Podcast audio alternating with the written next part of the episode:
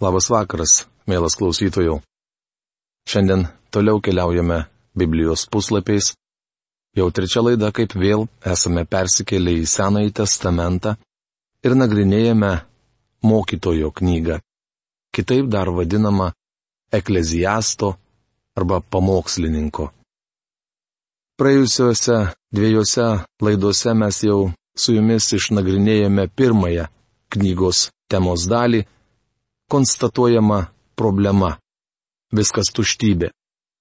Tai pirmos skyriaus pirma trečia eilutės. Ir pradėjome antrąją knygos temos dalį - atliekamas tyrimas.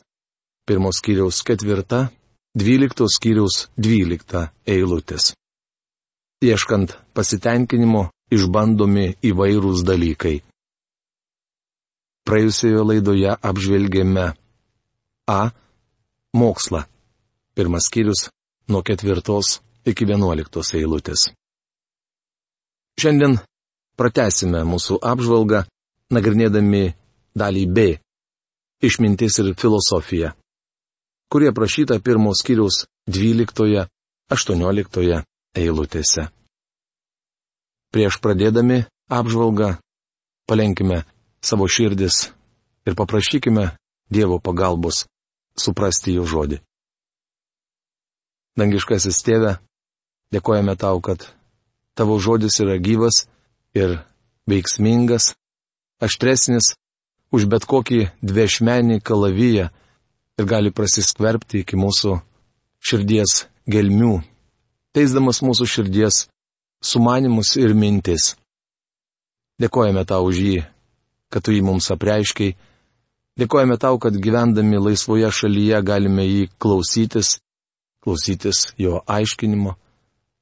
Dėkojame tau, kad tik tai tavo dvasios pagalba galime suprasti visą tą išmintį, kurią tu suteiki kiekvienam, kuris patiki tavimi, patiki tuo, ką tu padarėjai dėl mūsų, atsiūsdamas į šitą žemę savo sūnų viešpati Jėzų. Ačiū tau, Jėzau, kad tu tobulai vykdęs amžinai atpirkimą, atsisėdai tėvo dešinėje užtybėse ir šiandien, užtardamas mus, per amžinąją dvasę su tėvu traukėte į tą artimą bendravimą ir draugystę. Prašome, kad palaimintum Dievę kiekvieną širdį, kuri šiandien išgirs tavo žodžio aiškinimą. Kad įtikintum kiekvieną žmogų esant nusikaltusi prieš tave ir kad kiekvienas, tai žinodamas savo širdyje, galėtų atsiversti, išpažindamas savo nuodėmės ir pripažindamas tave savo gyvenimo viešpačiu ir valdovu. Dėkoju tau, dangaus Dieve, ir prašau, palaimink šį laiką. Jėzaus vardu. Amen. Taigi, išmintis ir filosofija. Aš mokytojas, buvau Izraelio karalius Jeruzalėje. Visa širdimi atsidėjau išmintingai tyrinėti ir nagrinėti visą, kas vyksta po dangumi. Kokia varginanti užduotis Dievo duota žmonėms spręsti. Mokytojo knygos pirmos kiriaus 12-13 eilutės. Saliamonas ilgai studijavo pasaulio filosofiją. Jis gyveno beveik tūkstantį metų prieš Kristų. Kadangi nuo Kristaus gimimo jau praėjo du tūkstantmečiai, vadinasi ši knyga parašyta maždaug prieš tris tūkstančius metų. Per tą laiką žmogus sukūrė daug įvairių prietaisų, tačiau neįgyjo daugiau išminties ir nepatobulėjo filosofijos rytyje. Filosofija ir išmintis neprogresuoja. Maža to, nei viena, nei kita negali suteikti širdžiai pasitenkinimo. Mačiau visą, kas daroma pasaulė. Tikėk manimi, visa tai tik migla ir vėjų vaikymasis. Mokytojo knygos pirmos skyriaus 14 eilutė. Visos filosofijos sistemos veda į aklavietę patys studijuodami filosofiją įsitikintumėte, jog tai tuščias laiko švaistimas. Šiandien pedagogai teigia, kad visi seni mokymo metodai buvo tuščias laiko eikvojimas. Įdomu, ar šio laikiniai mokymo metodai yra tobulesni. Manau, jie taip pat tik laiko švaistimas. Žmogus niekaip neįsisavina svarbios tiesos, kad neįmanoma pažinti Dievo mastant ar filosofuojant. Dievo pažinimas ateina tik apreiškimo būdu. Dažniausiai filosofija išūkdo žmogų pesimistiškai žiūrint į gyvenimą. Naivu tikėtis, kad išsilavinimas padės pražuvusiam nusidėjėliui įspręsti gyvenimo problemas. Nei filosofija, nei psichologija negali pakeisti ar pataisyti sugedusio žmogaus prigimties. Kas kreiva, tas negali būti ištiesinta. Ko trūksta, to negalima suskaičiuoti. Mokytojo knygos pirmos skyriaus penkiolikta eilutė. Kas kreiva, tas negali būti ištiesinta. Visiems aišku, kad lenkiant šakelę linksta ir medis. Jei kreivai parišime sodinuką, užauks kreivas medis. Mes su jumis gimstame turėdami sugedusią prigimtį. Galime ją visai labinti ir taisyti.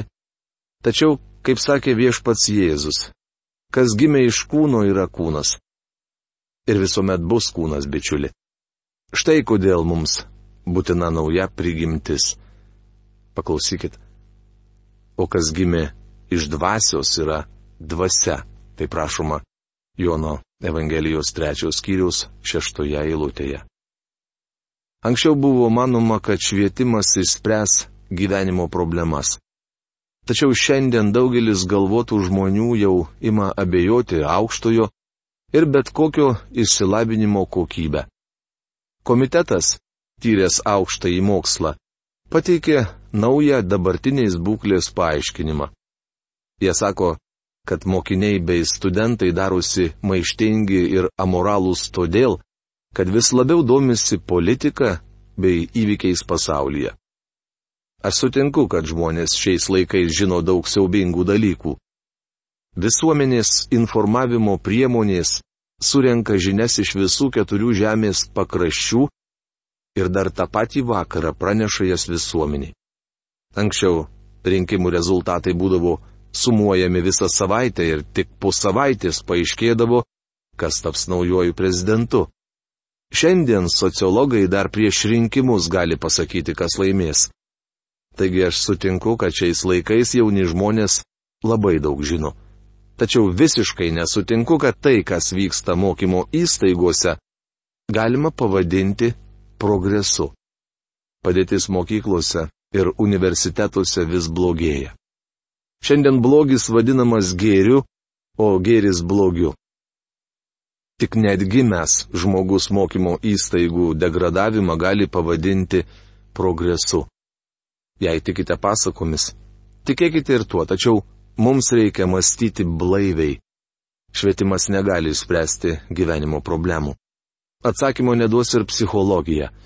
Šiais laikais Gudrus vyrai ir moterys bando aiškinti ir spręsti gyvenimo problemas, taikydami psichologinius štampus. Tiesa, šią karčią piliulę jie padengia saldžių biblinių sluoksnių, kad atrodytų, jog tai biblinis sprendimas. Bičiuli, studijuodami visą Dievo žodį, rasite jame atsakymus į gyvenimo problemas. Lengvų sprendimų nebūna. Dievo žodžio studijos reikalauja daug laiko ir pastangų, o mūsų protams tenka padirbėti. Kiekvienas krikščionis turėtų daugiau studijuoti šventą įraštą. Saliamonas suprato, kad išmintis ir filosofija negali išspręsti gyvenimo problemų. Tariau širdyje, štai įgyjau daug išminties, daugiau už visus prieš mane gyvenusius Jeruzalėje. Mano širdis uoliai kaupė visokią išmintį ir išmanimą. Mokytojo knygos pirmos skyriaus šešiolikta eilutė. Manau, Saliamonas buvo daugiau ar mažiau arogantiškas ir išpuikęs, žinodamas esas išmintingesnis už kitus. Pirmo laiško korintiečiams aštuntos skyriaus pirmoje eilutėje apaštalas Paulius rašo, kad pažinimas išpučia. Jausdamasis esas šiek tiek protingesnis ar labiau išsilavinęs už aplinkinius, žmogus gali išsipūsti kaip balionas. Atminkite, kad išsilavinimas pagrystas patirtimi, o jie negalima pasitikėti. Patyrimus būtina palyginti su Dievo žodžiu. Deja, šiandien daugelis daro atvirkščiai. Vadovaudamiesi savo patyrimais tyria Dievo žodį. Bičiuli, jei jūsų patyrimai prieštarauja Biblijai, tai klaidingi jie, o ne Dievo žodis. Tačiau kai ėmiau širdimi pažinti išminties bei išmanimo prigimtį ir kvailybę bei paikybę, supratau, kad ir tai tik vėjų vaikymasis. Mokytojo knygos pirmos kiriaus 17 eilutė. Įdomu, kad Saliamonas kalbėdamas apie išmintį neaplenkia ir paikybės. Pasaulio istorija mena daug protingų žmonių, kurie kvailai elgesi. Ryškiausias pavyzdys - Saliamonas. Anglijos karalius Jokūbas, kurio vardu pavadintas angliškas šventojo rašto vertimas, tikrai nebūtų sugebėjęs pats išversti Biblijos į anglų kalbą. Jis buvo vadinamas Jokūbu kvailuoju, nes toks ir buvo, nors mane esas labai išmintingas. Dabartinė karta taip pat galvoja, esanti labai intelektuali ir protinga. Tačiau mes negalime išspręsti net vietinių problemų, ką jau kalbėti apie pasaulio konfliktus. Saliamonas uoliai stengiasi pažinti išminti ir kvailybę bei paikybę. Jis bandė ir vieną, ir kitą. Supratau, kad ir tai tik vėjų vaikymasis. Kitaip tariant, nebuvo vertas stengtis. Juk su didelė išmintimi ateina ir daug rūpeščių. Juo daugiau žinai, juo daugiau kankiniesi. Mokytojo knygos pirmos skyriaus 18 eilutė. Džiaugsmas ir pasitenkinimas nėra proporcingas įgytam pažinimui. Kažkas yra pasakęs, kur šlovinamas nemokšiškumas, kvaila būti išmintingu šiuose žodžiuose yra dalis tiesos. Su didelė išmintimi ateina ir daug rūpeščių. Kuo daugiau žinome, tuo mūsų problemos atrodo didesnis. Gyvenimas darosi vis nuobodesnis ir sunkesnis, o mus supantys techniniai įrenginiai daro jį beveik nepakeliamą. Neseniai tikintis draugas man pasakė, jei neatsiplėšiu nuo tų gyvenimą užvaldžiusių kompiuterių, tikriausiai išprotėsiu. Mašinos, kurias mes liaupsiname ir beveik šloviname, skandina mus purve ir varo iš proto. Saliamonas sakydamas, su didelė išmintimi ateina ir daug rūpeščių, buvo teisus. Jis žinojo, ką sako, nors negyveno mašinų amžiuje ir nematė industrinės revoliucijos. Mokytojo knygos Antras skyrius. Šiame skyriuje aprašomas Saliamono bandymas rasti pasitenkinimą mėgaujantis malonumais. Lygiai taip pat elgesi ir šio laikinis žmogus. Taigi malonumai. Tariau širdyje, puiku, leisiu savo mėgautis malonumais. Paragauk malonumų. Bet tikėkit manimi, ir tai buvo mygla mokytojo knygos antros skyriaus pirmą eilutę. Saliamonas tikriausiai išbandė visas įmanomas malonumų rūšis.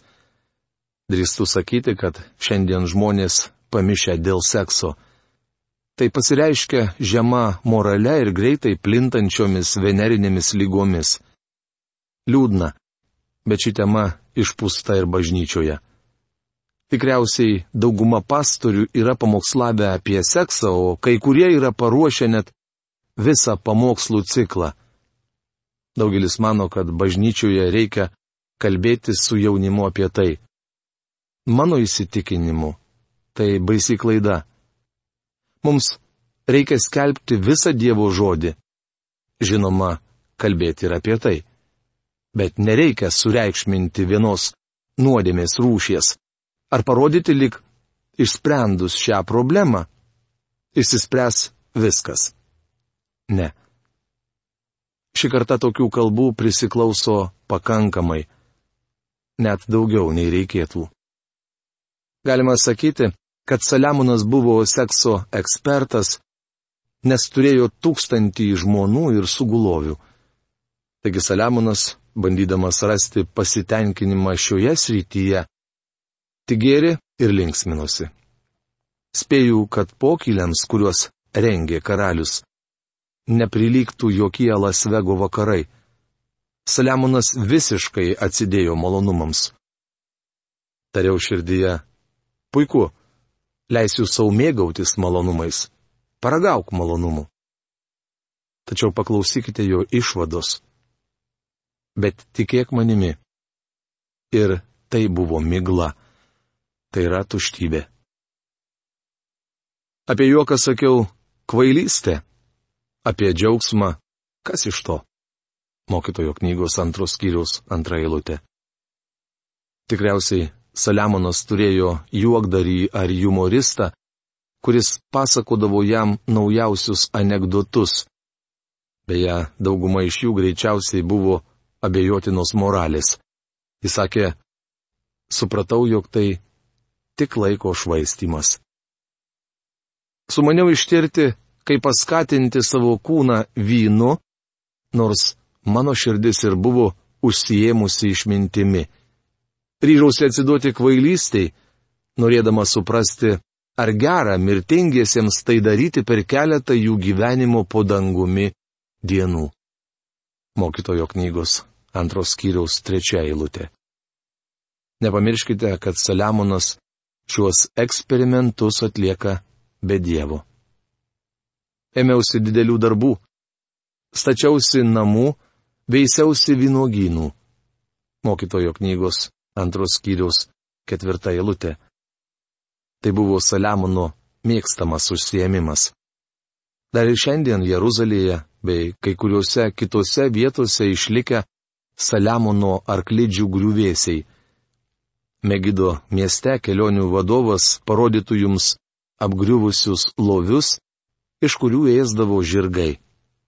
Saliamonas visame krašte buvo pristatęs arklidžių, nors Mozės įstatymas aiškiai draudė karaliui laikyti daug žirgų. Įsirengiau sodų bei parkų ir pasisodinau juose visokių rūšių vaismedžių. Įsitaisiau vandens tvenkinių, augančio miško medžiams laistyti. Mokytojo knygos antros skyrius penkta šešta eilutės. Jis buvo įrengęs drikinimo sistemas. Įsigijau vergų ir bergių, Vergai gimė ir mano namuose. Turėjau taip pat didžiulių galvijų bandų bei avių kaimenių, didesnių negu visų kitų, buvusių prieš mane Jeruzalėje. Mokytojo knygos antros skyriaus septinta eilutė. Miesto pakraštyje stovėjo Saliamono ferma, kuris augino galvijus. Galbūt jums kyla klausimas, kaip jis galėjo šitiek sauliaisti. Matote, Saliamono rankose buvo kone visas tuo metinio pasaulio auksas. Jis turėjo daug pinigų ir galėjo mėgautis visais gyvenimo patogumais. Šiandien žinoma, kad vasarą nuo Hermono kalno buvo nuolat atnešama sniego, kad karalius galėtų atsigaivinti šaltų gėrimų. Manau, šis vyras išbandė visus malonumus, kokie tik yra prieinami žmogui. Abejoju, ar šio laikinis žmogus galėtų patirti ką nors, ko neišbandė Saliamonas. Susikroviau sidabro bei aukso ir karalių bei valstybių turtų. Apsirūpinau dainininkais, vyrais ir moterimis, visais mirtingųjų malonumais ir daugybę sugulovių. Mokytojo knygos antros skyriaus aštunta eilutė. Jis pasisamdė geriausias naktinių Lasvego klubų trupes. Saliamono rūmose skambėjo įvairi muzika, nuo simfonijos iki roko. Tačiau tai neteikė jo širdžiai pasitenkinimu. Taip tapau didis. Viršijau visus buvusius prieš mane Jeruzalėje. Be to, ir išmintis manęs nepaliko. Nieko, ko mano akis norėjo matyti, joms neatsakiau. Nei savo širdžiai neatsakiau jokio malonumo. Iš tikrųjų, mano širdžiai teikė malonumo visas mano triūsas. Ir tai buvo atlygis už visą mano triūsą. Mokytojo knygos antros skyriaus 90 eilutės. Mums su žmona dažnai tenka dalyvauti įvairiose konferencijose. Kartais po tarnavimo išeiname pasižvalgyti po parduotuvės. Sėki paklausiau savo žmonos, ar ji nenorėtų turėti tiek pinigų, kad galėtų įsigyti viską, ko užsigeidžia. Jie atsakė, įdomu, kaip aš jaučiausi. Noriu pasakyti, kad Saliamonas patyrė šį jausmą. Jis galėjo nusipirkti viską, ko užsigeisdavo jo širdis. Šiame pasaulyje jam buvo prieinama viskas. Atrodytų, turtingi žmonės turėtų būti laimingi. Nežinau kodėl, bet taip nėra. Sakoma, kad pietų Kalifornijoje savižudybių skaičius pralenkia visos šalies vidurkį. Regis, žudytis turėtų valkatos, benamiai, Visuomenės atstumtieji, nes jie iš tiesų beveik neturi ką prarasti. Tačiau dažniausiai nusižudo ne vargšai, o turtingi ir garsų žmonės. Holivudo filmų bei televizijos žvaigždės, kuriems atrodytų puikiai sekasi gyvenime. Kodėl? Todėl, kad prieina tas pačias išvadas, kokias priejo Saliamonas. Izraelio karalius išbandęs visas malonumų rūšis, padarė išvadą, kad viskas beprasmiška. Tuomet apsvaršiau visą, ką mano rankos buvo padariusios ir sunku triūsą, kurį buvau įdėjęs. Tikėk manimi, visa tai tik migla ir vėjų vaikimasis. Nebuvo nieko naudinga po saulę. Mokytojo knygos antros skyriaus vienuolikta eilutė. Tai sako žmogus, kuris turėjo viską. Daugelis nepriima Saliamono žodžių už gryną pinigą ir bando eksperimentuoti patys. Žinoma, jie negali sauliaisti tiek, kiek galėjo Izraelio karalius. Tačiau eksperimentuojantys žmonės galiausiai suvokia, kad gyvenimas beprasmis. Ta patį sakė ir Saliamonas. Visa tai tik migla ir vėjų vaikymasis. Nebuvo nieko naudingo po saulę. Mielas klausytojų, o ko vadovaujatės jūs? Savo išmintimi? O galbūt šio pasaulio filosofija, niekada nesibaigiančia ir niekur netvedančia?